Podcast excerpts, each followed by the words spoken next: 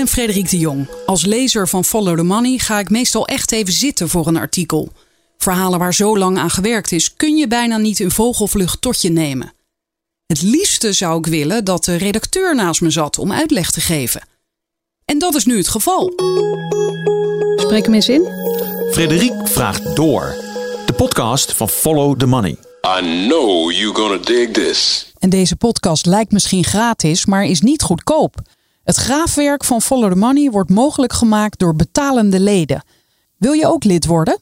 Dat kan op ftm.nl. Herman Lelyveld, je schrijft al een tijdje voor Follow the Money. Hoe is dat zo ontstaan? Ja, in 2016 uh, heb ik een boekje geschreven, De Voedselparadox. Wat ons streven naar beter eten dwarsboomt. En dat is eigenlijk een, uh, een boek over de politiek van ons voedsel en de belangen die ervoor zorgen dat, uh, ja, dat we eigenlijk nog steeds zo slecht eten als, als, als we eten. En um, Arne van der Wal had dat boekje gelezen. En die benaderde mij met de vraag van, uh, wil jij column schrijven voor Follow the Money? Want het onderzoek dat jij doet, dat, uh, dat vinden we leuk. Ja, want jij combineert twee interessante gebieden, politicologie en voedselwetenschap. Ja, ik, uh, ik noem mijzelf voedselpoliticoloog. Wat oh. ik, uh, ik, ik, ik, geloof dat ik een van de weinigen ben in Nederland die zich daarin in, in specialiseert. Maar wat ik zie is dat in het debat over voedsel, en dan heb je het zowel over de kant van de boeren en de productie, maar ook over de kant van de consumptie, gezond eten en dergelijke. Daar zit heel veel politiek. Het gaat daar over macht, het gaat over geld, het gaat over belangen. En dat is natuurlijk toch het onderwerp waar politicologen zich mee bezighouden. Dus ik ben stukje bij beetje me steeds meer gaan verdiepen in de machten en krachten die bepalen wat er op ons bord komt. Nou, dan moet je bijvoorbeeld ook denken aan de, aan de etiketten op je verpakkingen. Uh, dat ziet er allemaal heel technisch en onschuldig uit. Maar wat er precies op het etiket staat en wat de lettergrootte is en of er een stoplicht op staat of niet, dat is allemaal de uitkomst van uh, lobbyprocessen, heel erg veel in Brussel, waar de voedselindustrie probeert om uh, die etiketten zo, zeg maar, zo onleesbaar mogelijk te krijgen. En waarbij gezondheidsorganisaties juist proberen om de consument goed voor te lichten. Ja, en dan is het natuurlijk, dat zou je bijna vergeten, de mensen die die etiketten zo onduidelijk maken, proberen te houden dat verbaast me dan altijd, want dat zijn zelf ook mensen die, neem ik aan, zo gezond mogelijk willen leven. Ja, dat klopt. En eigenlijk wat je, wat je ziet in, in, in het debat over voedsel is, is dat er uh, een hele sterke lijn is bij de kant van producenten en ook aan de kant van zeg maar liberale partijen en conservatieve partijen. Die zeggen we moeten de consument goed informeren, maar uiteindelijk is het de consument die de keuze maakt. En in, in Europa heet dat dan Better Informing Consumers. En dat is eigenlijk de mantra uh, die steeds gebruikt wordt om te zeggen van nou, we gaan uh, je, je informeren en dan zal je zelf de keuze maken. Maar we weten inmiddels dat mensen helemaal niet handelen op basis van, van die informatie. Dat het zo verleidelijk is dat je, dat je waarschijnlijk meer moet doen om ervoor te zorgen dat mensen gezonder eten. Nou, is dat, geldt dat nou echt voor iedereen? Want er, zijn, er is toch wel een verschuiving, heeft er plaatsgevonden, als je het vergelijkt met pak een beetje twintig jaar geleden, denk ik. Of, of... Nou, dat, dat, uh, nee, dat valt tegen hoor. Dat, dat valt tegen. We, we zijn uh, minder gezond gaan eten en dat komt ook doordat het voedsel steeds geraffineerder is. Hè? Dus de, de, de bewerkte producten, processed foods. De industrie is zo, zo vaardig in het maken van dingen die we lekker vinden, waar we nog wat van willen nemen. Dat, dat is, daar zit een enorme ook onderzoeksindustrie achter. Uh, er zijn mensen die zijn dag in dag uit bezig met uh, bepalen hoe groot de belletjes koolzuur in cola moeten zijn om ervoor te zorgen dat je zoveel mogelijk doordrinkt. Hè? Dus dat is een hele, hele science, hele food science, erop gericht om jou zoveel mogelijk eh, te laten eten van, van spullen die eigenlijk heel ongezond zijn. Nou, nou, ik maakte dat gisteravond uh, weer eens mee. Ik, er werd opeens een schaaltje M&M's op tafel gezet. Nou, die zou ik zelf echt nooit kopen. En ik zei ook hardop, oké, okay, dit ga ik echt niet eten. Maar ja, ik ging toch voor de bel. En dan kan je inderdaad niet meer stoppen. Dat nee. is echt zo irritant. dat is heel erg moeilijk. Uh, wij hebben ook uh, met mijn studenten. Uh, hebben mijn studenten ook wel eens de, de, de, de medestudenten aan een experiment blootgesteld. Door in de, in de klas dus inderdaad een schaaltje met MM's neer te zetten. En dan een schaal met mandarijnen. En zelfs als je de mandarijnen pontificaal op de, op de meest toegankelijke plek zet en het schaaltje met MM's achterin, dan zie je toch dat iedereen die MM's gaat eten. Ja, dat is, het is gewoon onverslaanbaar. Dat, eh, dat, het, het appelleert aan onze oer, oerbehoefte om, om energie op te slaan. Hè? En daarom, daarom grijpen we toch altijd eh, naar, die, naar die lekkere zoete uh, suikerbommen. Ja, en over suiker heb jij nu een serie geschreven voor Follow Money. Vier delen. En uh, die serie gaat voornamelijk over een suikertax of een frisdranktax.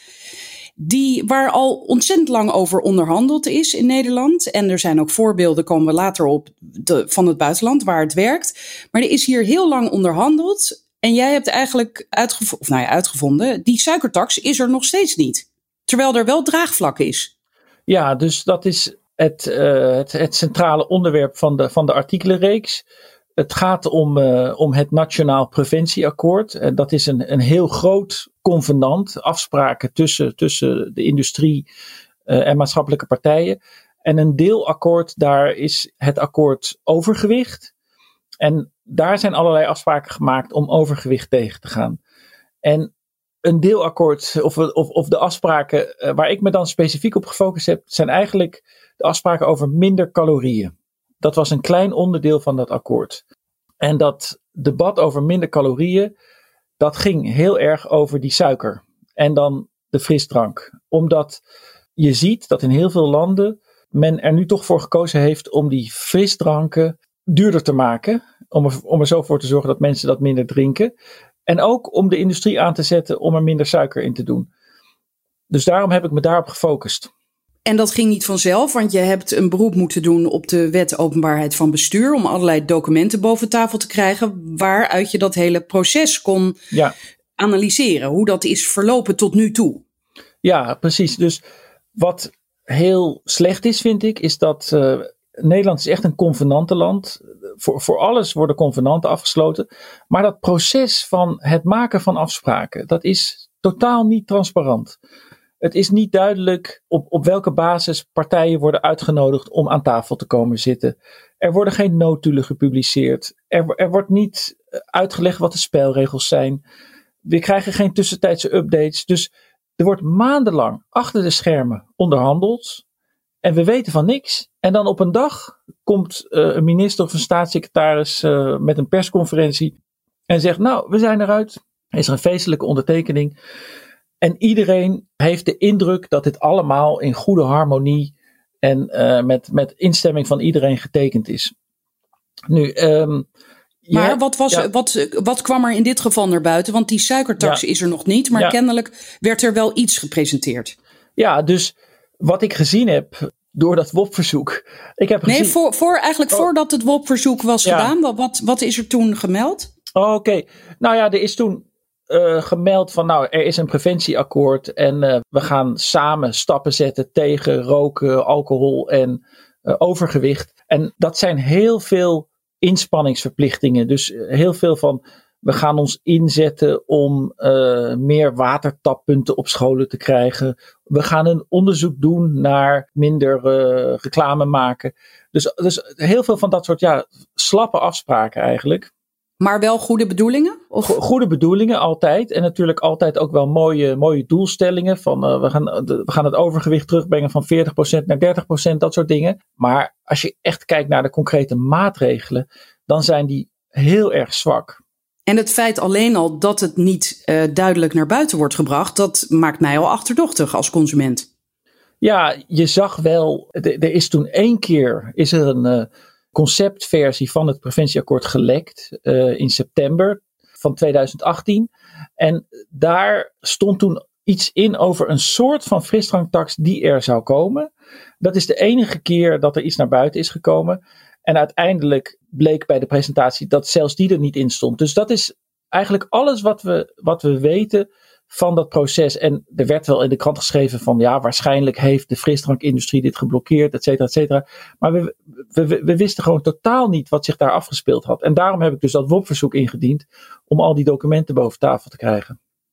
En klopt dat nou dat dat een jaar, meer dan een jaar heeft geduurd voordat je die documenten in handen kreeg?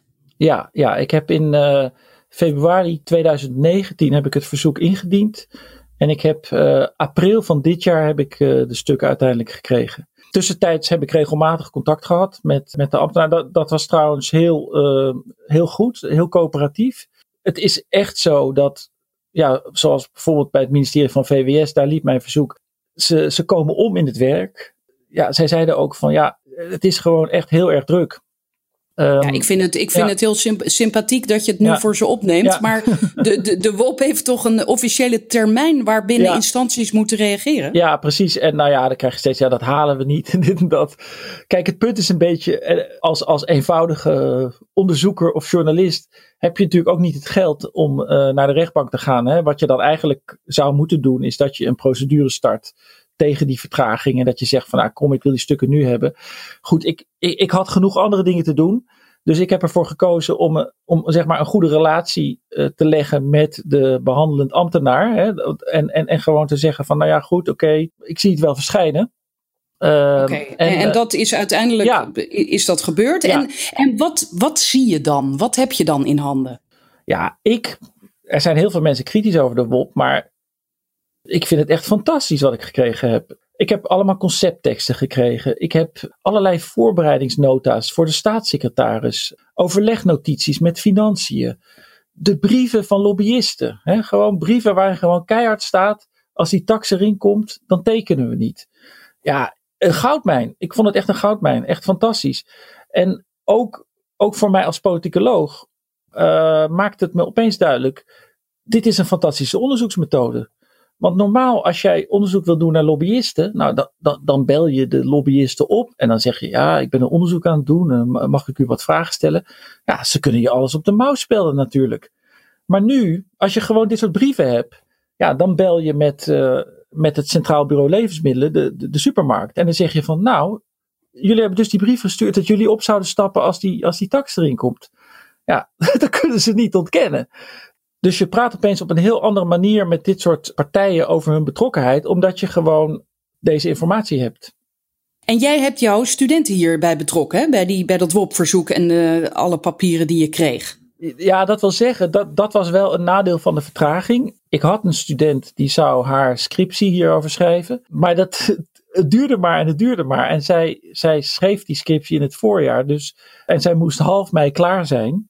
Dus we kregen pas in april die stukken. Dus die scriptie is, is minder, minder sterk gebaseerd op de WOP-stukken dan we gehoopt hadden.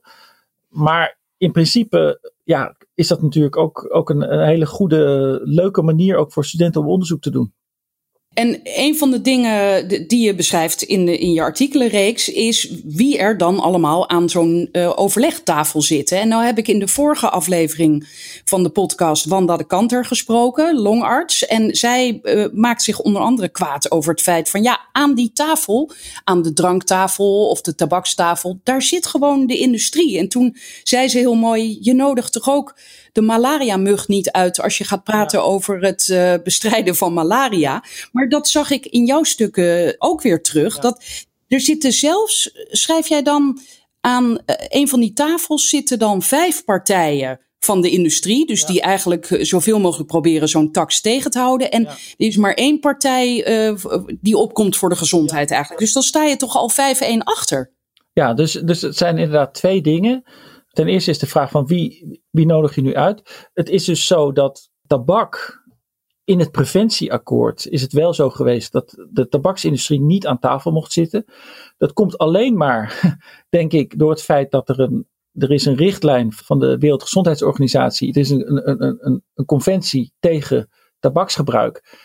En Nederland heeft zich verplicht om contacten met de tabaksindustrie te minimaliseren. Dat is ook dat zie je meteen terug in de afspraken. Want daar staan gewoon keiharde afspraken in, in, die, uh, in het akkoord over de verhoging van de accijns. Maar voor alcohol en, en voedsel is, is dat er niet. En dan is in Nederland heb je die poldercultuur, waarbij er wordt gezegd. we moeten alle partijen aan tafel hebben, want die partijen moeten zelf de maatregelen uitvoeren. Dat is het hele idee achter een convenant. Dat niet de overheid het doet, maar dat bedrijven het zelf doen. Dat is ook het listige, want daarmee wint de industrie al de eerste slag. In mijn beleving is het feit dat er gekozen is voor een akkoord, is al de allergrootste overwinning van de industrie geweest. Want daardoor konden zij zeggen: we gaan niet, we gaan niet wachten op wetgeving. Nee, we gaan in goed overleg met elkaar afspraken maken over zelfregulering. Dat, is fijn voor jullie overheid, want dan hoeven jullie geen wetten op te tuigen. Nou, en als je dan eenmaal aan tafel zit, dan kan je op allerlei mogelijke manieren de boel vertragen en afzwakken. En wat ze toen gedaan hebben op een gegeven moment, het zat zo vast dat ze zeiden van, nou, misschien moeten we dan maar die, die voedselproducenten bij elkaar zetten in een klein werkgroepje. En toen is er dus dat werkgroepje ontstaan waar de supermarkten zaten, waar de, de voedselproducenten zaten, de FNLI. En inderdaad, aan de andere kant alleen maar de samenwerkende gezondheidsfondsen. Dus die, die samenwerkende gezondheidsfondsen, diabetesfonds, longfonds, et cetera, die moesten in hun eentje opboksen tegen die voedselindustrie. Nou ja, dat werd helemaal niks. En daarom heeft bijvoorbeeld, zag ik, want jij hebt ook wat uh, hoofdrolspelers uh, met foto en al in je stuk op een rij gezet. Ja. En de meneer van het Longfonds, die heeft een paar keer gedreigd, ik stap op, want ja. zo, zo werkt het niet. Ja, ja. En kijk, dat Longfonds, of uh, Michael Rutgers is directeur van het Longfonds, maar hij was ook namens de samenwerkende gezondheidsfondsen, zat hij aan die tafel overgewicht. En hij, als je, als je gewoon kijkt naar wie er allemaal overal aan tafel zat. Het voordeel van, van, uh, van de samenwerkende gezondheidsfondsen was dat zij niks te verliezen hadden. Zij, zij konden gewoon keihard opkomen voor de belangen van de burger en, en, en de gezondheidsbelangen. Ze hebben, in totaal hebben zij opgeteld 6 miljoen donateurs. Ze ontvangen. Er zat voor hen geen geld in het akkoord, dus zij konden gewoon dreigen met opstappen. En, en je ziet dus ook, en dat is ook best wel fascinerend, dat, dat eigenlijk alleen de SGF steeds keihard uh, geprobeerd heeft om uh, harde maatregelen te krijgen, afdwingbare maatregelen en dergelijke. En op een gegeven moment gewoon zegt van nou, als dit het is, dan stappen we op. Ja, en je, in dat lijstje van die hoofdrolspelers staat onder andere ook Marianne Geluk, de directeur van de FNLI, de voedingsmiddelenindustrie. En daar schrijf je over, ze is bij het grote publiek onbekend, maar zeer invloedrijk. Ze gelooft dat de beste manier om de suikerconsumptie omlaag te brengen, en nou komt die, de vrijwillige herformulering van producten door de industrie is. Ik moet eerlijk zeggen, toen ik dat las, dacht ik, wacht even, vrijwillige herformulering. Dan, dan zou de industrie ook kunnen zeggen, in dit product zit minder suiker dan je denkt. Dat is ook een herformulering. Wat bedoelt zij hiermee? Nee, her, herformulering is. Uh, ik denk dat het inderdaad het verwarrende is dat uh, in het Engels noemen we het reformulation. Uh, het betekent dat je dus de, de ingrediënten aanpast van je product. Hè? Dus dat je, je, dat je er daadwerkelijk minder suiker in doet of minder vet en dergelijke. En het standpunt van de industrie is dus: laat dat aan ons over. Wij weten hoe dat moet. Wij weten ook hoe ver we daarin kunnen gaan. En dat, dat bedoelt zij te zeggen. Maar, zoals ze erbij zegt, alleen maar vrijwillig. Maar op zich, nu bedenk ik me wel, is het niet zo dat een aantal jaar geleden Unilever bijvoorbeeld inderdaad is begonnen met minder zout in bepaalde producten te stoppen? Ja. Dat is wel echt gebeurd, toch? Dus Ja. vanuit die gedachte kan je zeggen, kijk, de industrie is echt wel Ja. bereid om stappen te maken. Ja, en dat is een ander convenant. Dat, Uiteraard. Dat, dat, draait al veel langer. Dat is het akkoord verbetering productsamenstelling. En dat is een, ehm, een samenwerkingsverband, ja, of, een, of, een, of een reeks afspraken van de industrie en ook de supermarkten. Om inderdaad minder suiker, eh, zout en vet in producten te stoppen. Het probleem daarbij is dat in Nederland en in an- alle andere landen van de Europese Unie Nederland kan niet wettelijke normen opstellen voor suiker of zout of vet, want dat wordt Europees geregeld. Dus als jij wil dat er minder van die dingen in producten zit, dan kan je dat op nationaal niveau alleen maar via vrijwillige afspraken. Dus de industrie heeft wat dat betreft de overheid een beetje in de tang. Ze, ze weten gewoon dat uh, je, je kan niet een maximumnorm voor zout stellen voor, uh, voor chips of soep of, of, of uh, kant-en-klaar maaltijden. Dat mag niet van, uh, van Europa. Dus moet je met die industrie dan uh, aan tafel gaan zitten. En dat is een enorm moeizaam traject, dat akkoordverbetering productsaamstemming. Ik, ik heb daar ook eerder over geschreven voor Follow the Money. Het RIVM, uh, wel bekend natuurlijk nu van, van, van alle stikstofdingen en dergelijke. Maar het RIVM monitort ook die afspraken. En op een gegeven moment is de, de adviesgroep, de, er was een adviesclub van, van deskundigen. Die is op een gegeven moment opgestapt uit dat akkoord. En die hebben gezegd van ja, de afspraken die zijn zo slap. Dit schiet gewoon niet op. Wij gaan hier niet meer advies over geven. Want uh, dit is gewoon uh, een schaamlab voor, voor flutafspraken.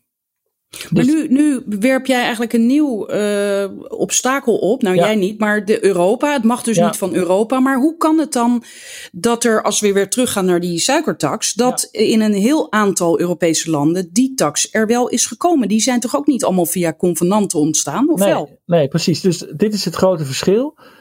Je mag niet van Europa normen opstellen voor zout, suiker, dit en dat. Maar belastingen en belastingheffing, dat is dat is een, uh, oh. een, een, een, terrein waar je als lidstaat wel redelijk veel vrijheid hebt. Nou, ook niet heel veel, maar wel in ieder geval, je kan zo'n tax kan je wel invoeren. Want dat is gewoon de uh, bevoegdheid van een, van een lidstaat. En dat is ook eigenlijk de soort omweg of truc geweest die ze in Engeland hebben toegepast. In Engeland was het een waanzinnig probleem. Overgewicht en obesitas is in Engeland nog vele malen groter dan in, uh, dan in Nederland. Er wordt, ook nog, er wordt ook veel meer frisdrank gedronken. En toen heeft men in Engeland gezegd van wat we gaan doen is we gaan die, die, die suikertax voor frisdranken invoeren. Niet zozeer om daar veel geld mee binnen te harken, maar om de industrie aan te zetten om het suikergehalte naar beneden te brengen. En dat is precies wat er gebeurd is. Dus het is een soort omweg geweest om de industrie aan te zetten minder suiker in die frisdrank te doen.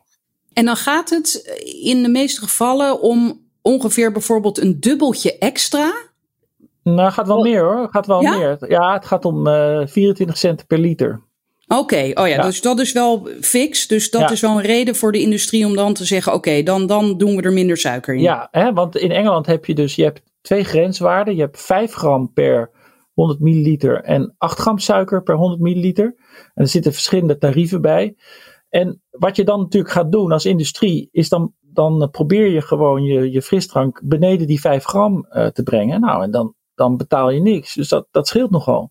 En, en blijkt hier nou ook uit dat uh, mensen minder frisdrank zijn gaan kopen, omdat de frisdrank duurder is ja. geworden in Engeland? Ja, ja er, is, er is net een studie uit uh, van uh, onderzoekers van de Universiteit van Oxford.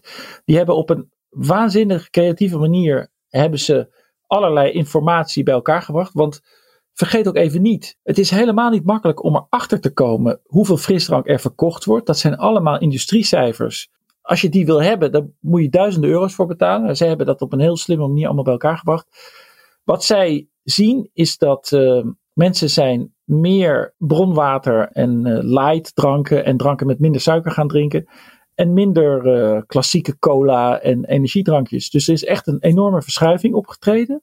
En het productaanbod is veel gezonder geworden. Hè? Dus er zit nu in Engeland zit gemiddeld nog maar 3 gram suiker per 100 milliliter in de verkochte dranken. En in Nederland is dat uh, op dit moment nog 5. En dan tellen we alles mee, hè? ook de bronwaters. Dus dat, is, dat is dus best wel veel. En is het dan niet zo dat daar bijvoorbeeld meer gebruik wordt gemaakt van zoetstoffen, die je dan niet geen suiker mag noemen of kan noemen, maar ja. die minstens net zo slecht zijn? Dat, dat zal voor een deel zo zijn. Maar ja, die zoetstoffen, dat is. Daar, ik, ik ben daar niet zo uh, bezorgd over. Um, die, die, die zoetstoffen worden enorm goed gecontroleerd door de EFSA. En daar zijn toch ja, daar zijn toch nog steeds niet enorme risico's over bekend. Ik weet dat het een enorm uh, debat is uh, tussen, ja, zeg maar, in, op internet en dergelijke. Maar die zoetstoffen zijn veilig. Ja, nou, enorm debat. Nu bedenk ik me, onder een van jouw artikelen wordt daar ook ja. commentaar op gegeven door de leden van Follow the Money. Oké, okay, en wat zeggen die? Nou, dit dus van ja. Uh, ja, maar die zoetstoffen die zijn ook heel slecht. Dus wat schieten we ermee op? Ja, nou, ze zijn. De, ik bedoel, de wetenschap gaat altijd door. Dus wie weet komt er nog wat boven. Maar ik, weet dat, uh, dat juist door dat hele debat over die zoetstoffen. heeft de, de EFSA, de Europese Voedselautoriteit. daar enorm veel onderzoek naar gedaan. En ja, daar, daar worden toch toch niet enorme risico's gezien. Ik bedoel, in ieder geval het gevaar en het probleem van te veel suiker. Uh, niet alleen overgewicht, maar denk ook aan gaatjes in je tanden. Hè? Dat is iets wat we, wat we nog wel eens over het hoofd zien. Maar dat is ook een enorme kostenpost en ziektelast die we hebben door, doordat mensen veel frisdrank drinken. Hoe reageren de betrokkenen, dus van de industrie en van de lobby, en als ze dan weten dat in heel veel Europese landen dit wel gelukt is om zo'n suikertax op te leggen, vinden ze dat zelf niet een beetje gênant? Dat wij in Nederland dus achterlopen? Nou, ze hebben, ze hebben twee antwoorden. Eerste antwoord is dat ze beweren dat in Nederland de hoeveelheid suiker die uit frisdranken is gehaald door vrijwillige afspraken, dat die uh, groter is dan wat er in Engeland met de wettelijke maatregelen bereikt is. Die, die bewering die kunnen ze niet onderbouwen. Ik, ik heb daar uh, anderhalf jaar geleden heb ik daar met, de met de lobbyclub van de frisdranken over, over gebakkeleid, zeg maar. Het, het is op niks gebaseerd, maar ze beweren het wel. En wat ook een hele slimme truc van ze is, is dat zij het steeds hebben over de hoeveelheid suiker via frisdranken geconsumeerd. En dat betekent dat als de Nederlander minder frisdrank gaat drinken, dat ook meetelt. En dat is inderdaad wat we zien. Nederlanders drinken gewoon minder frisdrank. Dus de industrie claimt dat als een enorm succes. Maar de echte winst zou erin zitten als ze de hoeveelheid suiker in die frisdranken verlagen. Want er zijn groepen, zoals jongeren tussen de 12 en de 20, die halen een derde van hun calorieën ongeveer per dag uit frisdranken. Dat is, dat is waanzinnig. Een, Beangstigend eigenlijk. Ja, ja. Het gemiddelde inname van reguliere frisdrank door jongeren is 600 milliliter per dag. Gemiddeld. Dat is gigantisch. Nou, die groep zou erbij gebaat zijn als er dan in die frisdranken gewoon minder suiker zit. Dus dat is de eerste claim die ze maken. Ze, ze, beweren dat uh, vrijwillige afspraken beter werken dan wetgeving. Nou, het is, het is echt klinkklare onzin. Het tweede, en dat is ook een mooie truc, is dat ze dan zeggen: ja, dat zijn buitenlandse studies. Het is nooit aangetoond voor de Nederlandse context. Ja, dat is natuurlijk nogal makkelijker, want je kan, je kan het pas aantonen als je het invoert. Dus dan wordt er gezegd van ja, het, het, is in Nederland heel anders. Maar dat is natuurlijk niet zo. Zoveel verschillen wij niet van die andere landen. Juist nu we gezien hebben dat het in andere landen werkt, is er geen enkel goed argument meer te bedenken om het ook in Nederland niet te doen.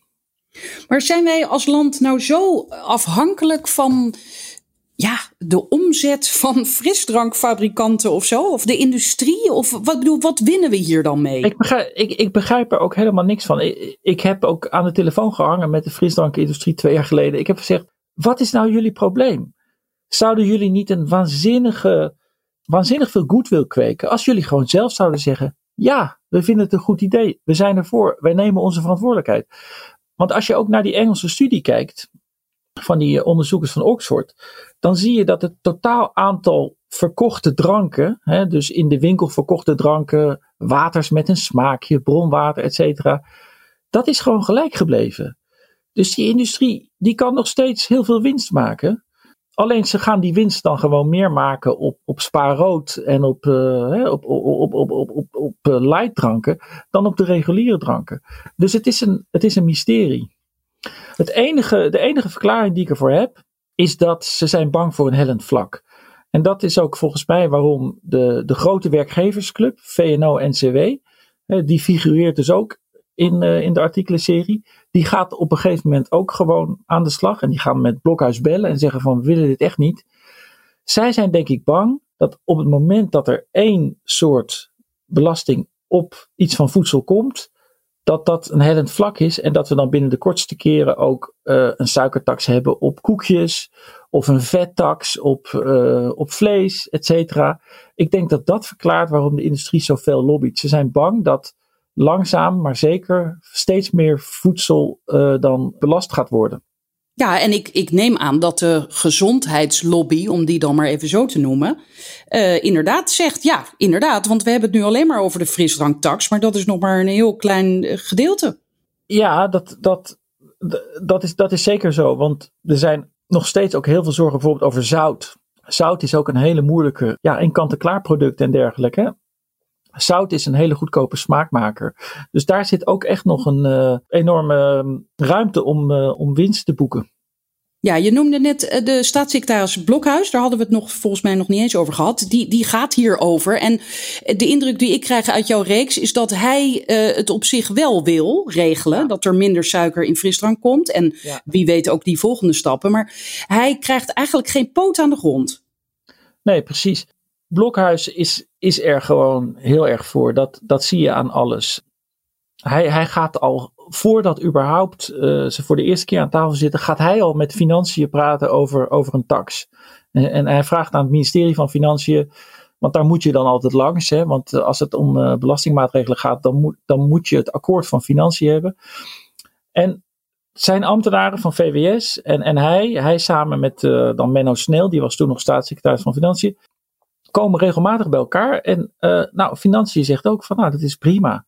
Dus Blokhuis is altijd voor geweest. En hij, hij heeft ook gedurende het hele proces steeds die tax op tafel gehouden. En op een gegeven moment heeft hij gezegd van nou ja, laten we dan in ieder geval de verbruiksbelasting op suikervrije dranken eraf halen.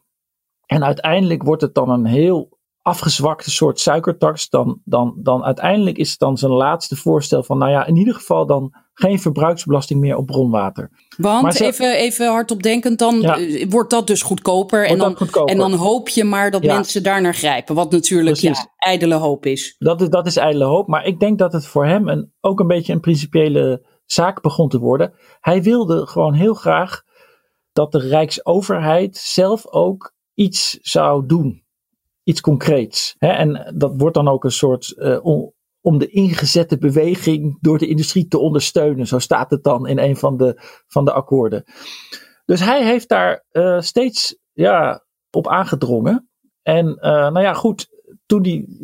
Maar hij heeft die industrie over zich heen gekregen. Hè? En, en echt dus Hans de Boer, de voorzitter van VNO-NCW, die belt gewoon met hem. En die zegt: Ja, het is een pijnpunt. Uh, kan je hem niet laten vallen? Laat die tax vallen. En dan zetten wij ons in om, uh, om zelf de calorieën uit de markt te halen. Nou, Blokhuis, uh, Blokhuis doet dat niet. En, en tot, tot in de laatste versie van het akkoord staat hij er nog in. En dan op een gegeven moment is die, is die toch uit het akkoord. Omdat waarschijnlijk omdat het FNLI, de voedselproducenten, zeggen van nou dan tekenen we niet.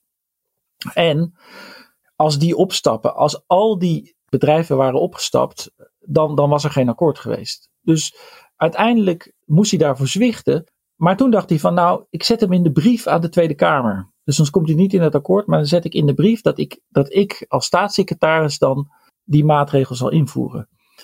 Maar dat lukte ook niet, omdat de coalitiefracties gingen dwars liggen. Maar heel even, zo'n brief, stel dat dat wel was gelukt, wat heeft dat dan voor gewicht? Nou, zo'n brief is een kabinetsstandpunt. Hè? Dus als hij, als hij als staatssecretaris een brief naar de Kamer had gestuurd Beste Kamerleden, hierbij bied ik u aan het Nationaal Preventieakkoord. Er staan allemaal mooie dingen in. En bovendien tel ik u dat ik een voorstel zal doen om die, om die verbruiksbelasting op bronwater af te schaffen. Hè, dus de, de afgezwakte suikertax. Dan was dat kabinetsbeleid geweest.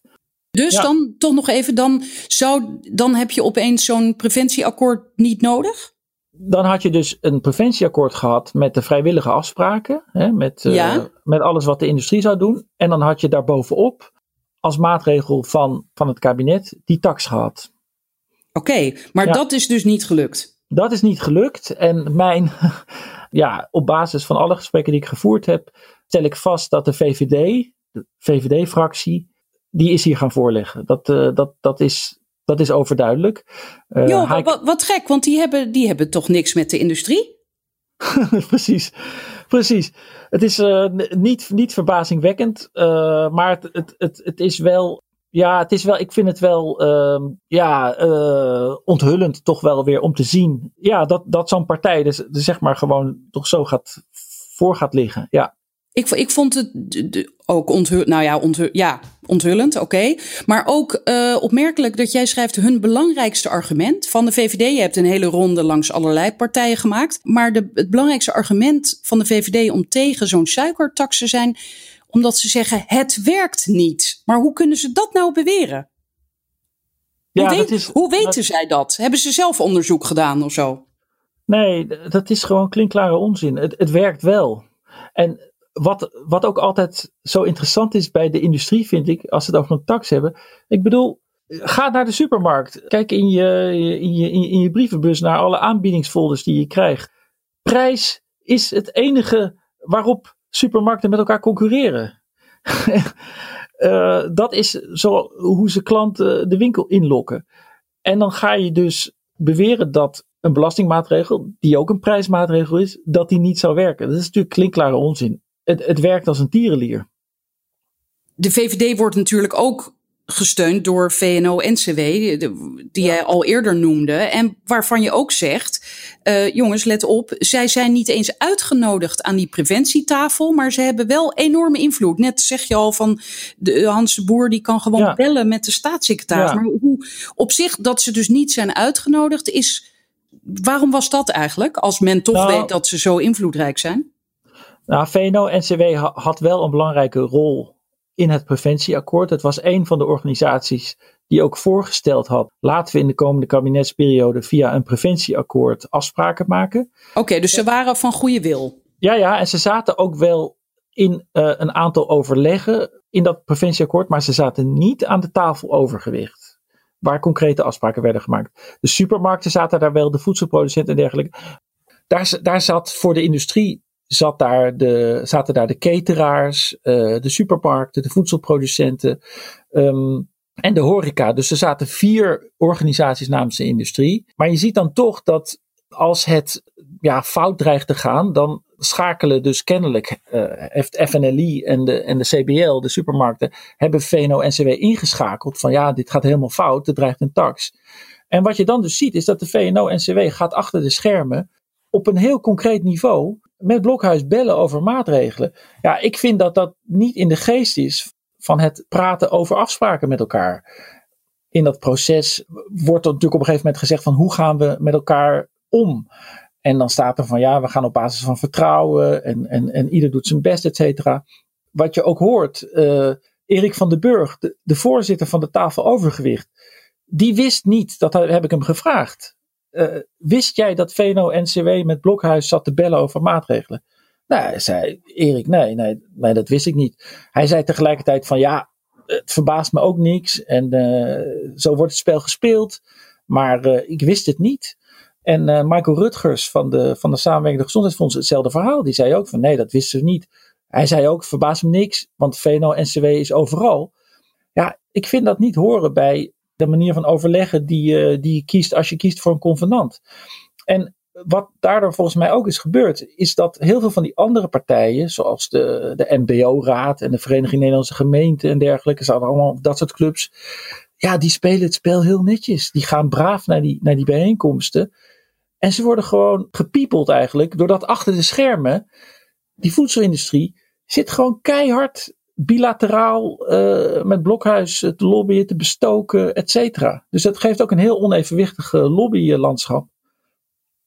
Tja, nou, het klinkt alsof het uh, er nog lang niet gaat komen, die frisdranktax. Denk jij dat ook? Ja, ik denk dat zolang de VVD in de coalitie zit, en, en, zeker deze kabinetsperiode, gaat die tax die, die, die gaat er niet komen. Zij, zij gaan daarvoor liggen. Het is ook een uh, onderwerp dat niet groot genoeg is voor een kabinetscrisis, zullen we maar zeggen. Wat je misschien zou hopen is dat in een nieuwe kabinetsperiode er, uh, er toch verdere afspraken worden gemaakt. En men dan misschien als onderdeel hè, van een regeerakkoord, waarin heel veel dingen zijn afgesproken, er dan een, een, een uitruil plaatsvindt en de VVD dan uiteindelijk zegt van nou ja oké, dat, dat doen we dan maar. Maar ik weet het niet hoor. We moeten het zien. En heb jij in die documenten die je hebt opgevraagd nog meer stof voor andere stukken? Of ben je, is dit nu afgerond voor jou? Nou, ik zou nog wel andere dingen kunnen onderzoeken. Maar ik moet wel eerlijk zeggen dat het een behoorlijke klus was. En uh, ik, uh, ik, ik, ik het graag aan andere onder, onderzoekers en journalisten uh, overlaat om verder te kijken. Ik, ik, ik ben al gebeld door een andere journalist die heel, heel, heel geïnteresseerd was in de rol van van JOG, Jongeren op Gezond Gewicht. Er, er, zijn ook heel veel documenten daarover. En ja, goed, de documenten staan nu gewoon online hè, op de website van VWS. Dus ik, ik hoop inderdaad dat heel veel uh, andere onderzoekers en journalisten hier gebruik van maken en, en er nog eens even verder in gaan zoeken. Want er staat zeker nog veel meer ander interessants in. Want ze staan nu online bij VWS. Is dat omdat zij, omdat jij dit allemaal hebt opgevraagd en gaat het dan automatisch online? Hoort dat bij zo'n verzoek? Ja, ja dus uh, een, een, een WOP-verzoek uh, leidt er altijd toe dat de stukken dan openbaar worden en voor iedereen toegankelijk. Ja, dat is natuurlijk heel goed. Uh, iedereen mag dan, mag dan zien wat er is vrijgegeven en kan daar dan mee doen wat hij wil. Oké, okay. dankjewel Herman. Graag gedaan. Tot zover deze aflevering van Frederik Vraagt Door. Wil je meer horen en lezen? Ga naar ftm.nl en krijg onze maand op proef.